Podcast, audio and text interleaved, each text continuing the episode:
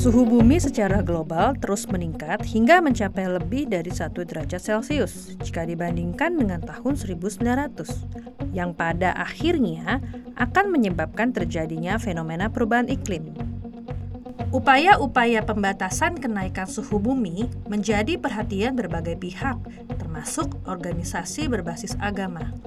Berbagai inisiatif terkait hal ini telah disebarkan oleh organisasi berbasis agama kepada umatnya. Dengan demikian, peranan dari organisasi berbasis agama menjadi penting dalam rangka menjaga kenaikan suhu bumi di bawah 2 derajat Celcius. Selamat datang dalam episode podcast ISR Bicara Energi. Di episode podcast ISR Bicara Energi kali ini bersama saya Erina Musanti, kita akan ngobrol-ngobrol seputar krisis iklim dengan Bapak M. Ali Yusuf selaku Ketua Lembaga Penanggulangan Bencana dan Adaptasi Perubahan Iklim, Pengurus Besar Nahdlatul Ulama. Selamat siang, selamat, selamat datang uh, Pak Ali. Terima kasih atas waktu dan kesediaannya Bapak untuk hadir dalam podcast ISR. Bagaimana kabarnya nih Pak? Tetap sehat dan semangat menjalani aktivitas selama pandemi? Uh, Alhamdulillah, harus tetap semangat Pak. Ya, yang penting sehat. Iya, kesehatan nomor satu ya Pak ya. Jadi harus tetap iya. semangat juga dalam menjalani aktivitas. Iya. Jadi sebenarnya diskusi ini berawal dari seruan-seruan pemuka agama, Pak, mengenai perubahan iklim dan juga energi terbarukan. Ya. Di awal tahun ini ada uh, beredar berita mengenai deklarasi Interfaith Rainforest Initiative yang harus uh, yeah. melindungi uh, hutan uh, melindungi rainforest untuk mencegah perubahan iklim. Kemudian ada juga seruan dari Paus Franciscus supaya umatnya menghentikan aktivitas yang berkontribusi terhadap perubahan iklim. Kemudian ada beberapa fatwa dari MUI juga mengenai uh, mengenai upaya untuk mengatasi perubahan iklim. Nah, jadi secara khusus Pak Ali, kami tuh sebenarnya ingin menggali bagaimana sih peranan uh, peranan NU gitu sebagai organisasi yang berbasis agama, Pak? Sebenarnya uh, apa saja peranan dari NU dalam mengajak umatnya untuk melakukan upaya dalam mencegah pembatasan kenaikan suhu bumi sebesar 2 derajat Celcius, Pak? Mungkin uh, pertama-tama saya ingin mengetahui dulu nih, Pak Ali, bagaimana sih Pak pandangan tentang perubahan iklim itu dan juga uh, program-programnya apa saja Pak yang sudah dilakukan sejauh ini dalam mengajak umatnya melakukan upaya-upaya untuk uh, mengurangi kenaikan suhu bumi? Ya, terima kasih Mbak Erina. Jadi di dalam pandangan kami di Islam atau Nahdlatul Ulama, secara singkat perubahan iklim itu kan situasi dan kondisi yang buruk yang muncul akibat kerusakan lingkungan hidup akibat perbuatan manusia. Dan ini sangat berdampak sangat buruk bagi kelangsungan hidup manusia dan juga alam semesta. Jadi laju perubahan iklim itu harus dicegah dan sekaligus ditangani atau dikurangi dampaknya. Dan di dalam Islam sebenarnya relasi antara manusia dengan alam dan lingkungan hidup itu eh, ingin saya sampaikan di sini bahwa yang hmm. pertama Allah Subhanahu wa taala itu Tuhan alam semesta. Jadi bahasanya kalau di Al-Qur'an Rabbul Alamin ya. Jadi Allah itu tidak hanya Tuhan bagi manusia tetapi juga Tuhan bagi alam semesta. Jadi manusia itu hidup di bumi ini bersandingan dengan makhluk hidup yang lain yang diciptakan oleh Allah. Jadi manusia itu tidak dapat dipisahkan kehidupannya dari lingkungan hidup di sekitarnya.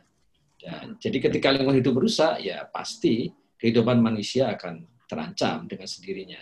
Kemudian yang kedua adalah manusia itu diangkat oleh Allah menjadi khalifah, wakil Tuhan di bumi. Posisi atau derajat yang sangat mulia tetapi memiliki dua tugas utama. Yang pertama itu membangun peradaban. Singkat singkatnya begini, manusia itu diperintahkan untuk menjaga dan memakmurkan bumi. Ini dalam Al-Qur'an surat Al-Baqarah ayat 30 sangat jelas di situ. Dan yang kedua, itu menjadi rahmat bagi semesta alam. Dalam Al-Qur'an juga ada Al-Anbiya eh, ayat 107. Oleh karena itu manusia dilarang melakukan sesuatu apa pun itu yang menimbulkan kerusakan di bumi. Hmm. Dan ini saya kira di Al-Quran sangat banyak, di dalam surat Al-Araf ayat 56, kemudian Al-Baqarah ayat 195. Jadi perintah dan memelihara perintah melihara dan melindungi bumi sekaligus larangan merusaknya itu tidak hanya ada di Al-Quran tapi juga hadis Nabi. Jadi dari dulu itu zaman Nabi itu pencemaran lingkungan baik air, tanah dan udara, kemudian penggunaan hutan atau deforestasi, eksploitasi sumber daya alam yang merusak, itu itu semua sudah dilarang oleh Nabi dan karena akan berakibat pada hancurnya peradaban manusia dan keberlangsungan hidup manusia. Jadi sikap Islam terhadap pelestarian lingkungan hidup juga termasuk di dalamnya pengdalan perubahan iklim itu sangat jelas, Mbak. Jadi, mm -hmm. memang elaborasi dan implementasi terkait hal ini saja yang harus diperkuat sehingga nanti harus berwujud dalam aksi-aksi yang nyata. Nah, perintah tadi saya sebut perintah menanam pohon, kemudian juga tadi larangan mencemar lingkungan itu dari dulu juga sudah ada zaman Nabi Muhammad. Uh-huh. Bahkan ada hadis Nabi yang e, memerintahkan atau ada perintah untuk memanfaatkan SDA atau sumber daya alam secara bertanggung jawab dan sekaligus dilarang memonopoli dalam tiga hal. Ini terkait dengan hal mendasar bagi kehidupan manusia. Yang pertama air, Kemudian yang kedua rumput, rumput ini berarti tanah dan hutan. Hmm. Yang ketiga adalah api dan energi. Saya kira ini sudah jelas dalam Islam. Nah, memang elaborasi dan ke depan implementasi terkait ajaran agama Islam ini yang harus kita tingkatkan kepada umat kita. Nah, Nahdlatul Ulama sendiri terkait dengan perubahan iklim atau lingkungan hidup, kita dari mulai 1994 sudah memiliki concern yang kuat.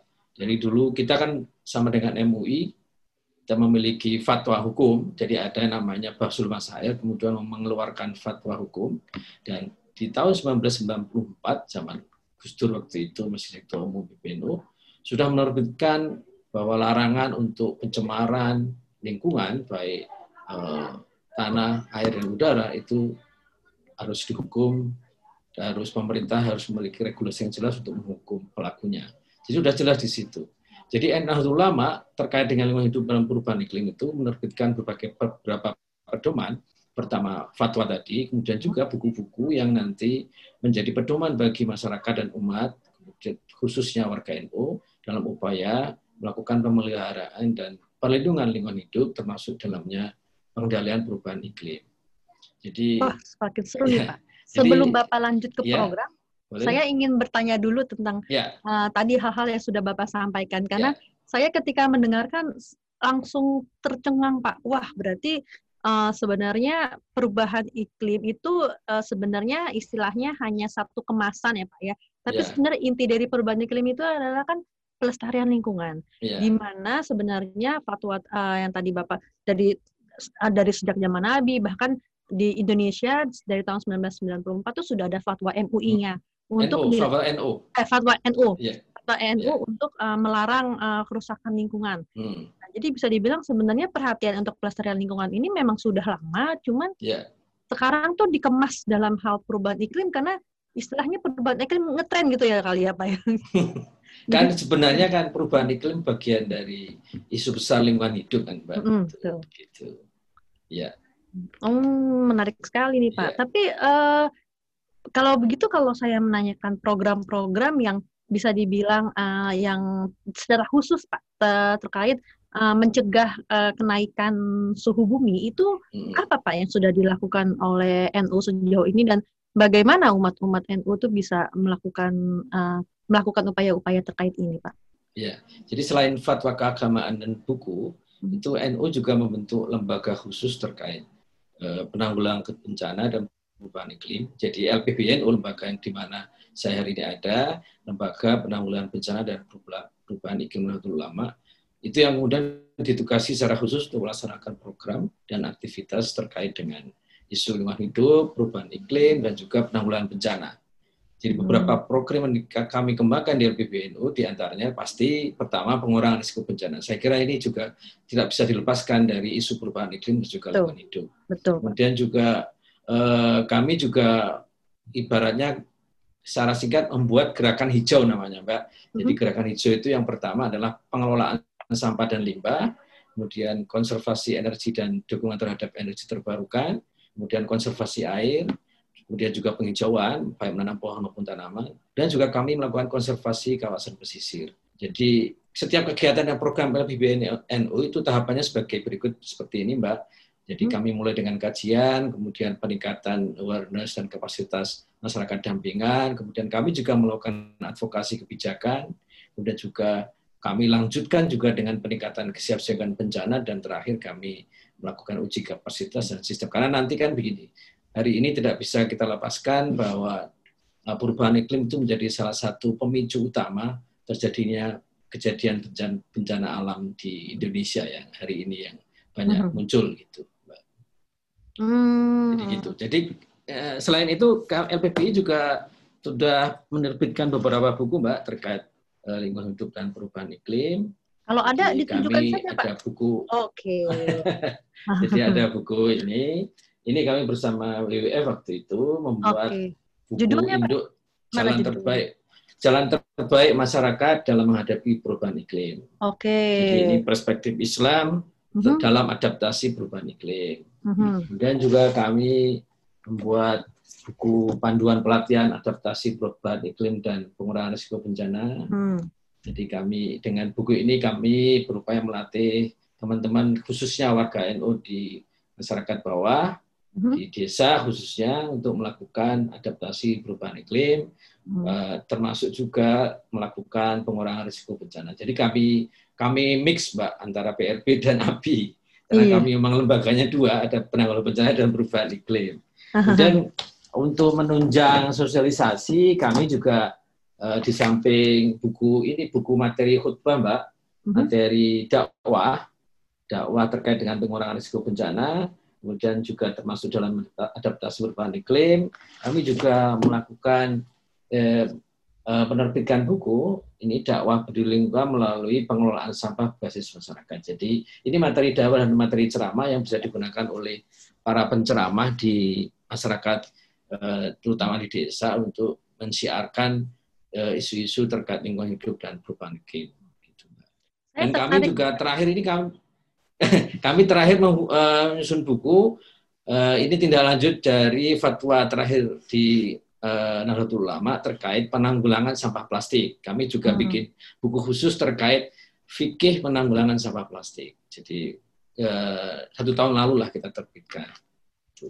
Saya tertarik itu, dengan tadi Bapak uh, mengatakan bahwa ada program gerakan hijau ya Pak ya, gerakan hijau, konservasi hmm. energi dan energi terbarukan. Hmm. Karena kan uh, ISR ini juga merupakan suatu organisasi, uh, suatu organisasi yang fokus kepada isu uh, lingkungan, uh, khususnya energi dan perubahan iklim. Nah, kalau misalnya kita uh, mengingat perubahan iklim itu ada uh, apa uh, akan berimbas kepada aktivitas manusia, ya, akhirnya uh, kita uh, berujung kepada kita harus melakukan konservasi energi dan mengembangkan energi terbarukan. Nah, saya tertarik yeah. dengan ini, Pak. Gerak, mungkin Bapak bisa mengelaborasi tentang gerakan hijau yang dilakukan dan kira-kira seberapa jauh sih uh, mengajak? Karena tadi Bapak sempat men, um, bercerita tentang dakwah ya, Pak ya. Jadi yeah. tadi saya tertarik, wah berarti uh, penceramah-penceramah di daerah, desa, bahkan istilahnya sudah mempunyai guideline ya, Pak ya. Uh, yeah. Dan guideline-guideline yang ada ini memang uh, me memang ada isu-isu tentang perubahan iklim atau bagaimana ya Pak? Ada, ada. Jadi masuk di dalam uh, apa namanya bingkai lingkungan hidup, Mbak. Hmm. Seperti itu. Ya, ada ya mungkin tidak spesifik beberapa poin tidak spesifik perubahan iklim, tapi hmm. sebenarnya itu kegiatan atau aktivitas atau materi yang disampaikan itu terkait dengan perubahan iklim. Nah, hmm. terkait dengan energi terbarukan dan konservasi energi dan energi terbarukan sebenarnya ini uh, saya saya sampaikan ini masih sangat rintisan awal ya Mbak, karena hmm. sebenarnya kami ini masuknya dari isu sampah Mbak, okay. isu sampah dan limbah. Jadi kami kan memiliki pesantren itu ada 24 ribu pesantren di seluruh hmm. Indonesia yang satu pesantren itu bisa saja dihuni itu lebih dari 1000 sampai 15.000 santri dan itu hidup 24 jam di pesantren. Bisa hmm. dibayangkan bagaimana kalau itu tidak ya. limbah dan sampahnya uh -huh. dan kemudian energinya luar biasa yang dibutuhkan di situ. Nah dari sampah, memang kami bermula dari hal yang apa namanya sederhana, Mbak, di hmm. pengelolaan sampah. Ketika mereka sudah aware terkait pengelolaan sampah dan limbah, tentu nanti kita arahkan ke bagaimana, misalkan menggunakan limbah dan sampah ini untuk menjadi energi alternatif, hmm. misalkan biogas dan lain sebagainya. Gitu. Meskipun juga kami kenalkan mereka bagaimana sampah juga bisa dirubah menjadi uh, energi listrik kan gitu. Mm-hmm. Jadi seperti itu. Tapi kami biasanya menggunakan paket-paket, kalau istilahnya sekarang paket hemat ya, paket pahe. Bagaimana santri itu tidak usah repot-repot berpikir, karena mereka kan juga harus belajar dan memenuhi target kurikulum. Hmm. Sekarang kan berat juga hmm. target kurikulum. Jadi paling tidak mereka punya kesadaran awal bahwa sampah dan limbah dan upaya pelestarian itu harus dimulai dari mereka kan gitu Pak. Karena generasi muda, generasi hmm. anak-anak muda kan di sana itu. Betul Pak, eh, saya saya juga sangat sepakat dengan uh, pendapat Bapak tadi uh, setidaknya mereka uh, apa tahu dan peduli tentang isu di dari usia sekolah karena ya. memang menurut saya usia sekolah itu usia yang uh, di mana uh, kita tuh menumbuhkan kesadaran dan mulai cari ingin tahu dan saya ya. pikir yeah. ini suatu hal yang sangat yang sangat bagus sekali Pak. Uh, namun saya ingin tahu lebih tahu apa ingin tahu lebih lanjut Pak. Tadi Bapak katakan tentang uh, meng, memang uh, sebenarnya tidak masalah entry-nya dari mana pun. Kebetulan hmm. Bapak entry-nya dari hmm, limbah ya Pak ya. Limbah untuk listrik ini dalam bentuk biogas dan dalam bentuk uh, sampah itu hmm. sejauh apa Pak? Dan kira-kira uh, kira-kira apa ya Sejauh apa gitu Pak pelaksanaannya? Jadi lagi-lagi tadi kan kami sampaikan bahwa setiap kegiatan dan program atau aktivitas kami lalui hmm. dengan kajian bersama santri dan pesantren itu, kajian lingkungan hidup dan kajian kapasitas mereka, Mbak. Hmm. Jadi uh, jadi setiap pesantren punya spesifik kekhasan sendiri. Ada yang mampu sampai bikin biogas, ada yang hmm. ya sampai ke bagaimana pemanfaatan ke listrik meskipun tahap awal, tapi ada juga yang masih dalam tahap apa namanya pengetahuan saja. Karena memang kita juga tidak bisa memberikan kan begini mbak pesantren itu kan juga harus didukung oleh semacam fasilitas tadi itu. Hmm. misalkan teknologi kayak ya, ya teknologi kan gitu. Nah itu juga beberapa hal yang mereka mau. Ada juga pesantren yang gasnya kenceng ada juga pesantren yang gasnya biasa-biasa ibarat motor kan begitu nah yang gas kenceng ini yang kemudian kita arahkan bagaimana bisa nyambung dengan Eh, pemerintah, dengan banyak eh, komunitas atau banyak institusi di daerah masing-masing untuk bisa mendukung seperti hmm. itu. Termasuk juga konservasi air, ada yang menarik. Air wudhu. Kisah-kisah kan, ini eh, konservasi oh, air misalkan lah, uh -huh. air bekas air wudhu itu kan yeah, ya. biasanya yeah. nggak campur dengan deterjen uh -huh. atau sabun, mbak. Nah itu kalau diolah uh -huh. kembali itu bisa, kalau difilter itu bisa uh -huh. uh, bisa membuahkan air, uh-huh. air minum yang di atas air mineral, bahkan alkalin. Uh-huh. Jadi kami sudah melakukannya di Pasuruan, di dua pesantren di Pasuruan, uh-huh. dan sekarang mulai dikembangkan lebih lanjut. Jadi air wudhu itu ditampung di bak, kemudian dilakukan filterisasi, penjernihan, kemudian ditampung lagi di bak penampungan lebih yang lebih jernih, kemudian difilter lagi, itu jadi hasilnya jadi air al alkalin. Dan bagi kami di pesantren, air wudhu itu kan luar biasa, Mbak. Karena air wudhu itu kan air penuh doa. Mm-hmm. Ya kan wudhu kan kita yeah. pasti berdoa. Nah itu kan yeah. luar biasa. Nah sayang kan kalau air bersih, air yang kira-kira itu sudah diberikan doa gitu. Diberikan doa malah kebuang ke sungai sampai ke laut, kebuang sia-sia kan gitu. Mm-hmm. Gitu. Jadi kami berusaha melakukan itu di dan jadi sekali lagi setiap pesantren punya karakteristik ada yang mengembangkan konservasi air, ada hmm. yang lengkap air juga iya, energi juga iya, sampah juga iya. Ada yang mulai dari sampah dulu, kemudian nanti kita upgrade, kita dorong terus untuk mengupgrade diri. Kita pasti kita sambungkan dengan terutama dinas lingkungan hidup dan hmm. dinas hmm. energi ya di daerah masing-masing di kabupaten masing-masing. Menarik sekali Pak kisah-kisah pesantren ini. Kalau misalnya apakah sudah dibukukan Pak atau uh, nanti kita bisa bikin sesi tersendiri Pak? Yeah. Apa ya saya jadi tertarik untuk mengambil karena ini contoh-contoh di masyarakat sebenarnya yang bisa direplikasi di tempat lain kan. Yeah. Jadi uh, kalau kalau uh, kisah tentang ini uh, semakin banyak orang yang menyebarkan akan semakin baik. Jadi yeah Uh, jadi kami, uh, kami bisa saja nanti kami bikin sesi lain, Pak. Ya, saya ya, mengenai informasinya boleh. secara detail dan saya bisa dan uh, supaya isu-isu ya. tentang ini terus dilakukan oleh orang-orang yang lain gitu. Ya. Kalau tadi Bapak bilang ya. ada beberapa pesantren, ada ini ya. sayang gitu, Pak. Ya, ya ini lagi-lagi memang mm-hmm. rintisan, Mbak, karena memang ini kan lebih banyak ke swadaya bagaimana hmm. Pesantren bisa melakukan upaya sejak dini melakukan ya berkontribusi terhadap uh, pelestarian lingkungan hidup. Itu. Bagus Pak. Uh, ya, dan karena mungkin selama ini kan orang tuh berpikir apa sih perubahan iklim tuh kayaknya terlalu terlalu yeah. jauh gitu ya. Nah, orang orang kayaknya orang tuh mikir ah itu cuman kayak istilahnya um, dokumen elit aja yang dimengerti yeah. sama sama orang-orang seperti itu. Hmm, nah, jadi, jadi memang seperti memang, itu. Hmm, jadi tujuan kami itu memang salah satu dari podcast ini Pak ingin memberitahukan lebih mengkampanyekan kepada uh, pendengar bahwa sebenarnya perubahan iklim itu suatu uh, sebenarnya banyak hal yang kita bisa lakukan untuk kita mengatasi perubahan iklim dan sebenarnya pun juga kita sudah merasakan dalam hmm. perubahan iklim kan. Dan yeah. sebenarnya inti dasar dari mengatasi perubahan iklim itu adalah menjaga kelestarian lingkungan hidup. Mungkin yeah. itu ya Pak ya. Iya. nah itu itu biasanya di pesantren kalau nggak dimulai dari kajian, mereka kan uh-huh. ajak kita ajak santri untuk melihat apa sih yang terjadi terkait lingkungan hidup di situ. Uh-huh. Misalkan terkait sampah, sampah ini berapa? Nanti kan bisa kita pesantren atau pengasuhnya kita bisa tanya juga dia berapa sih per bulan biaya yang dikeluarkan untuk karena kan kalau santri 15 ribu bisa dibayangkan berapa juta yang harus dikeluarkan untuk uh, biaya membuang sampah. Nah itu iya, kan ya kita kemudian kasih iming-iming insentif bahwa kalau melakukan pengelolaan sampah biaya itu bisa berkurang bahkan bisa hilang. Ya, bahkan santri bisa menghasilkan sampah menjadi sesuatu yang bermanfaat gitu. Kemudian juga terkait air tadi. Mhm. kan gitu berapa air yang dibutuhkan santri? Bayangkan 15 ribu Pak.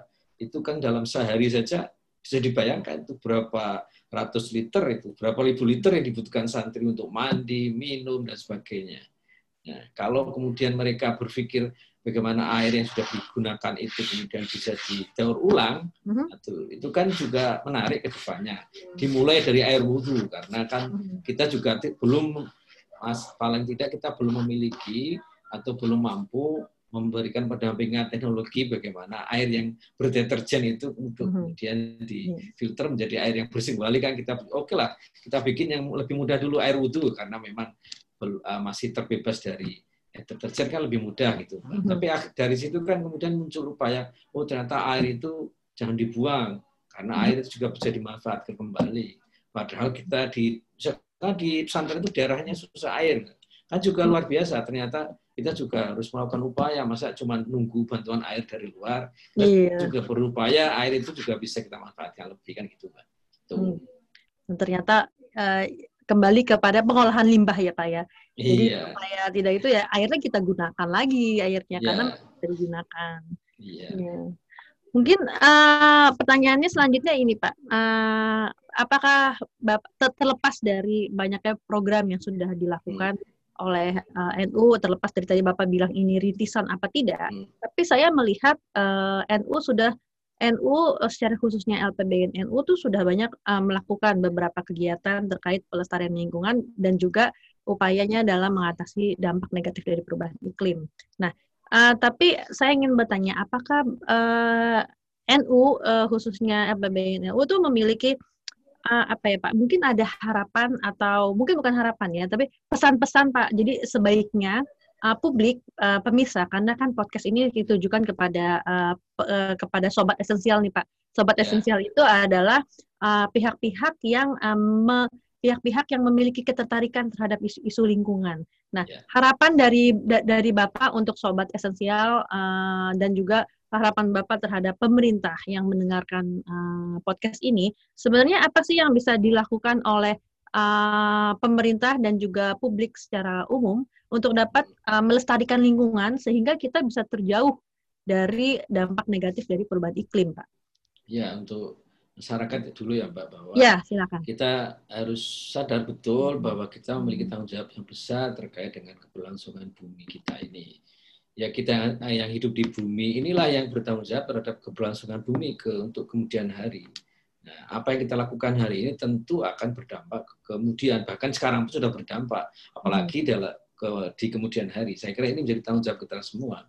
Kalau kita melakukan sesuatu yang berbahaya dan merusak ya tentu ke depannya bumi bisa saja hilang dan terhapus dari nah. peradaban ya kan gitu kan seperti itu kalau perubahan itu kan begitu kan perubahan itu kan begitu ya, iya, ya iya, kan? Uh, kalau secara saintis uh, begitu ya pak ya, ya berdasarkan ilmiah Betul. Hmm, kita kan muka melihat laut naik, hmm, kemudian ya. pulau-pulau hilang, kan sama dengan bumi hilang nanti lama-lama kan gitu. Iya, serem Atau minimal pulau-pulau Indonesia bisa berkurang kan. Jangan-jangan itu kampung kita kan gitu. Tapi orang masih ngeliatnya ini Pak, apa ah itu kan masih lama 2100, 2000 orang banyak saya melihat di lingkungan kecil saya aja saya tuh kadang melihat orang masih berpikir itu kan masih lama sekarang kita yeah. nikmatin aja dulu apa yang kita punya ya karena karena mungkin belum kena dampaknya coba bisa dibayangkan kalau hidup jadi kalau yang terkait di Jawa itu di sekitar Semarang ya hmm. yang rob itu bisa berbulan-bulan bahkan itu kan daerah hmm. sekitar Semarang kan begitu bisa hmm. dibayangkan rob itu nggak hilang-hilang dari kampung kampung jadi kolam renang kan repot juga. Mm-hmm. Nah, itu kan juga berarti pengaruh luar biasa dari perubahan iklim. Begitu juga nanti Jakarta, siapa yang bisa membayangkan Jakarta prediksinya tahun 2050 itu banjir bisa sampai rob bisa sampai Monas. Kan begitu prediksinya. Iya, mungkin orang banyak yang tidak menyadari Pak bahwa iya banjir yang terjadi saat ini tuh merupakan indikasi dari terjadinya perubahan iklim. Iya. Karena iya. Di, di Jakarta pun juga beberapa uh, tahun lalu ya kan juga ada ke, mulai ada krisis air karena ada yeah. kemarau. Tapi yeah. kemudian beberapa bulan kemudian banjir tinggi itu di awal yeah. tahun baru. Nah, ya kan iya. orang nggak banyak memahami ada kejenuhan uh, tanah air ta eh, kejenuhan tanah ya atau hmm. bumi karena intrusi air laut kan begitu itu yang kemudian juga dan lebih jauhnya orang tidak memahami bahwa itu nah, dampak itu. dari perubahan iklim ya.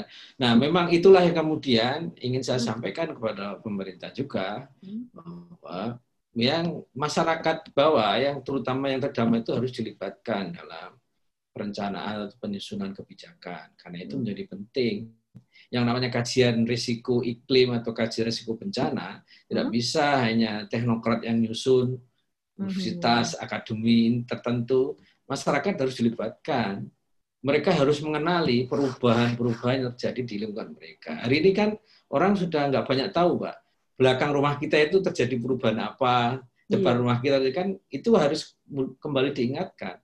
Nah, kalau mereka dilibatkan, minimal paling tidak dalam kajian lingkungan hidup atau kajian mm-hmm. risiko iklim atau risiko bencana, itu akan tahu. Karena kami juga sering melakukan itu di lapangan bahwa hmm. ternyata masyarakat itu eh, kalau misalkan satu kampung itu bisa jadi sejarah banjir misalkan itu yang tahu paling nggak sampai 10 orang ya. banjir dalam waktu yang lama ya Pak. Kenapa hmm. dulu banjirnya cuma eh, misalkan bagian pojok kanan, sekarang kok sudah mulai pojok kiri bahkan bahkan mulai menengah. Nah itu kan mereka harus mengenali bahwa ternyata banjir itu tidak hanya banjir itu menyerap atau berjalan terus, mengganggu bahkan menghantui kehidupan hampir semua masyarakat di desa itu walaupun sebelumnya hanya pinggiran-pinggiran sungai atau pengawan atau e, kali beratas misalkan gitu. Mm-hmm. Itu yeah. itu yang harus disampaikan. Nah, saya juga sekaligus memberikan ini ya terkait perubahan iklim ini kan, ya kan. agak beratnya begini, Mbak Mhm. dokumen kebijakannya kan banyak ya sudah Indonesia itu luar biasa lah sudah sudah ada undang-undang tentang maksudnya peraturan ya pak ya peraturan dari pemerintah ya, gitu, kebijakan kan gitu kebijakan. Okay. nah undang-undang tentang perjanjian Paris saja sudah ada oke okay, ya tapi coba orang Jakarta tahu itu isinya jadi saya bicara begitu aja apalagi hmm. orang daerah nah ini yang memang kadang-kadang kita ini sering kali puas hanya di penyusunannya hmm. apalagi proses penyusunannya juga tidak melibatkan Eh, masyarakat. masyarakat. Ya. Begitu sekarang api, kita kan juga ada rencana nasional adaptasi perubahan iklim mm -hmm. di nasional. Tapi yeah. berapa banyak sih daerah yang sudah mengadopsi kemudian menderivasi menjadi rencana aksi daerah? Kalau rencana aksinya cuma di nasional, daerah diam juga, semua ya dokumen ya dokumen aja jadinya kan begitu. Dan Hanya. juga itu komitmen pengurangan emisi gas rumah kaca. Seberapa banyak orang tahu tahu bahwa Indonesia sudah berkomitmen 29 persen. Mm. Ya, itu kan juga terus apa yang harus dilakukan untuk uh, apa namanya mencapai target itu. Mm. Nah, mm-hmm. ini kan juga butuh komitmen bersama, butuh kepedulian semua. Men, uh, uh, menumbuhkan kepedulian itu kan muncul ketika ada uh, public awareness. Nah, ini mm. memang juga lagi-lagi prosesnya tidak bisa cepat, ya tidak bisa instan.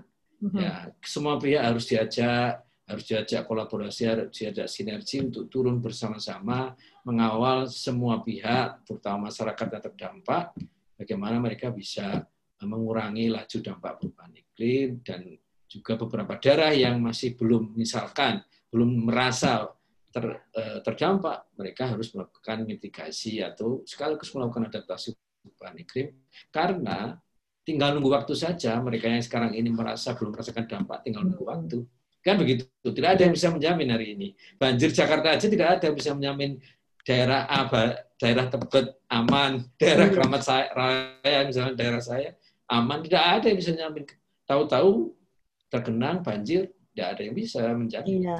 Tiba-tiba air udah tinggi, nggak bisa ya, keluar gitu ya Pak ya. Iya. Hmm. Jadi uh, kalau saya boleh ambil beberapa in, sebenarnya tidak pantas ya saran sih Pak omongan apa harapan Bapak tadi memang memang banyak dan uh, dan apa dan memang semua benar. Tapi kalau saya boleh ngambil kota kuncinya berarti yang jadi yang pertama harus meningkatkan sosialisasi ya Pak ya supaya yeah. supaya orang tuh peduli, peduli yeah. dan uh, supaya mereka uh, tahu bahwa dampaknya akan seperti ini walaupun mungkin mereka belum bisa merasakan dampaknya. Hmm. Jadi mungkin yeah. yang pertama adalah meningkatkan empati ya Pak ya, bukan yeah. empati hmm. supaya mereka tahu dampak dari seperti uh, perubahan iklim itu apa dan bagaimana dampaknya. Tapi untuk melakukan sosialisasi itu bisa juga pemerintah mengajak masyarakat melakukan kajian-kajian lingkungan hidup ya Pak ya.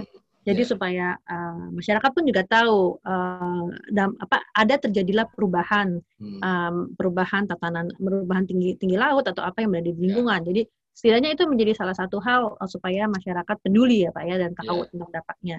Nah, kemudian selain itu uh, saya juga melihat Bapak uh, keterlibatan dari masyarakat khususnya juga Pemda ya Pak ya, yeah. masyarakat orang yeah. daerah Pemda untuk menerjemahkan dokumen-dokumen di nasional. Memang banyak ada ran adaptasi perubahan iklim, ada juga rencana aksi nasional mitigasi perubahan iklim, hmm. ada juga beberapa. Nah ini bagaimana keterlibatan pemerintah daerah ya Pak ya secara khususnya iya. mereka yang melakukan di uh, di daerah gitu.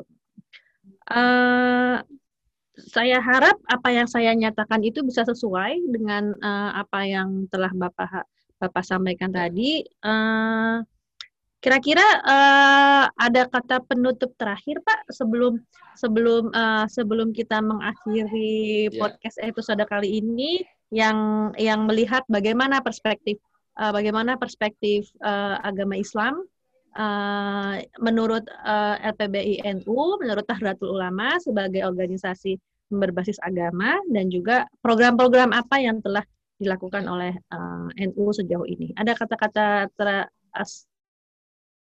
statement terakhir Pak. Ya, Silakan. Kalau saya sih berharap ke depannya sebanyak mungkin pihak itu diajak dan dilibatkan dalam upaya pengendalian perubahan iklim, baik mitigasi maupun adaptasi perubahan iklim. Saya kira pemerintah sudah tidak bisa kemudian membeda-bedakan wah ini yang pak ini yang pas untuk diajak, ini yang nggak pas diajak. Salah satu yang sering kali kadang-kadang kan yang di soal-soal perubahan iklim uh mhm. -huh. itu kan kelompok agama, Mbak dikiranya kelompok agama itu kan tahunya hanya isu suka keagamaan. Hmm. Nah, misalnya kan gitu. Nanti mungkin eh, di agama lain bisa di, saya kira ah, semua agama memiliki concern yang luar biasa terkait dengan isu-isu yang terkait dengan kehidupan manusia. Perubahan hmm. iklim itu kan menyangkut dengan inti kehidupan manusia karena ber, terkait dengan berlangsungan manusia. Nah, hmm. saya kira ini yang ke depannya harus uh, dikuatkan lagi partisipasi semua pihak karena kalau nanti misalkan mitigasi dan adaptasi perubahan iklim ini menjadi gerakan sosial kan uh -huh. akan luar biasa nanti dampaknya. Betul. Kalau itu faktor kuncinya adalah pelibatan seluruh komponen masyarakat termasuk hmm. kelompok agama dan kemudian juga di Indonesia ada masyarakat adat. Saya kira itu juga ya dikiranya jangan karena selama ini kan karena isu tadi perubahan iklim itu isunya teknokratis, isunya sangat ilmiah, Nah, itu kan jadi tugas pemerintah bagaimana memahamkan itu, membuat praktis sehingga kelompok agama, masyarakat itu bisa memahami dan bisa melakukannya, mengadopsinya untuk kemudian dilakukan di masyarakatnya atau warganya atau rakyatnya kan begitu, Pak. Siap, Pak. Sebenarnya memang itu tugas pemerintah, Pak. Tapi iya. uh, kita sebagai organisasi juga bisa mengambil peranan di iya. sana. Hmm. Jadi, uh, tapi memang benar saya pun juga uh, berharap bahwa pemerintah bisa uh, bisa meningkatkan keterlibatan dari setiap pihak. Tapi yeah. sementara ini absen, Pak, sementara kita tidak diajak, ya kita bisa bergerak sendiri, Pak. Sebenarnya yeah, ya, uh, kami sebenarnya tuh memang sebenarnya kami memang uh, latar belakang kami mengundang uh, NU memang kami melihat uh, masyarakat di Indonesia itu kan masyarakat yang memiliki agama, terutama uh, Muslim itu bisa dibilang uh, tetap mayoritas. Yeah. Jadi kami memang melihat peranan dari NU ini sangat besar untuk mengajak umat-umat uh, Islam uh, melakukan upaya-upaya dalam mengatasi perubahan iklim. Sebenarnya kami memang melihat perannya sangat besar Pak. Jadi yeah. oleh karena itu kami ingin menggali uh, sebenarnya sudah sejauh apa sih NU yeah. melakukan hal-hal yeah. itu dan saya nambah sedikit Mbak saya. Saya ya, sangat, saya sangat mengapresiasi acara ini podcast ini paling tidak inilah upaya kita untuk menumbuhkan saling pengertian para pihak agar ke depan muncul upaya bersama ya tadi -hmm. sebanyak mungkin pihak untuk mengendalikan laju perubahan iklim khususnya menghadapi dampak negatifnya karena kita tahu ini laju dampak negatifnya ini larinya lebih kencang dari ikhtiar kita menghadang untuk menghadangnya. Jadi hmm. kita harus terus menambah kekuatan, memobilisasi sumber daya yang kita punya sebisa mungkin sekuat mungkin untuk menghadangnya. Demikian, Mbak. Baik, uh, ya. Pak Ali, terima kasih sekali atas waktunya dan juga ya. terima kasih banyak juga atas uh, partisipasi dari NU dalam melestarikan ya. lingkungan. Uh, untuk uh, sobat esensial yang sedang mendengarkan podcast en, uh, ISR bicara energi pada kali ini, uh, ISR podcast ISR bicara energi pun juga akan mengundang seorang narasumber dari uh, organisasi berbasis agama, uh, berbasis agama yang lain. Uh, silakan uh, dinantikan saja beritanya kapan kita akan launching, tapi uh, tetap tetap uh, stay tune di dalam podcast ISR bicara energi. Terima kasih, selamat siang menjelang sore Pak Ali. Terima kasih atas kesediaannya. Sampai berjumpa di lain kesempatan. Ya. kita sama-sama semangat ya Pak ya dalam semangat, melestarikan lingkungan di tengah pandemi ini. Iya. Nah, Assalamualaikum. salam sehat ya. Waalaikumsalam. Selamat sehat Pak. ya.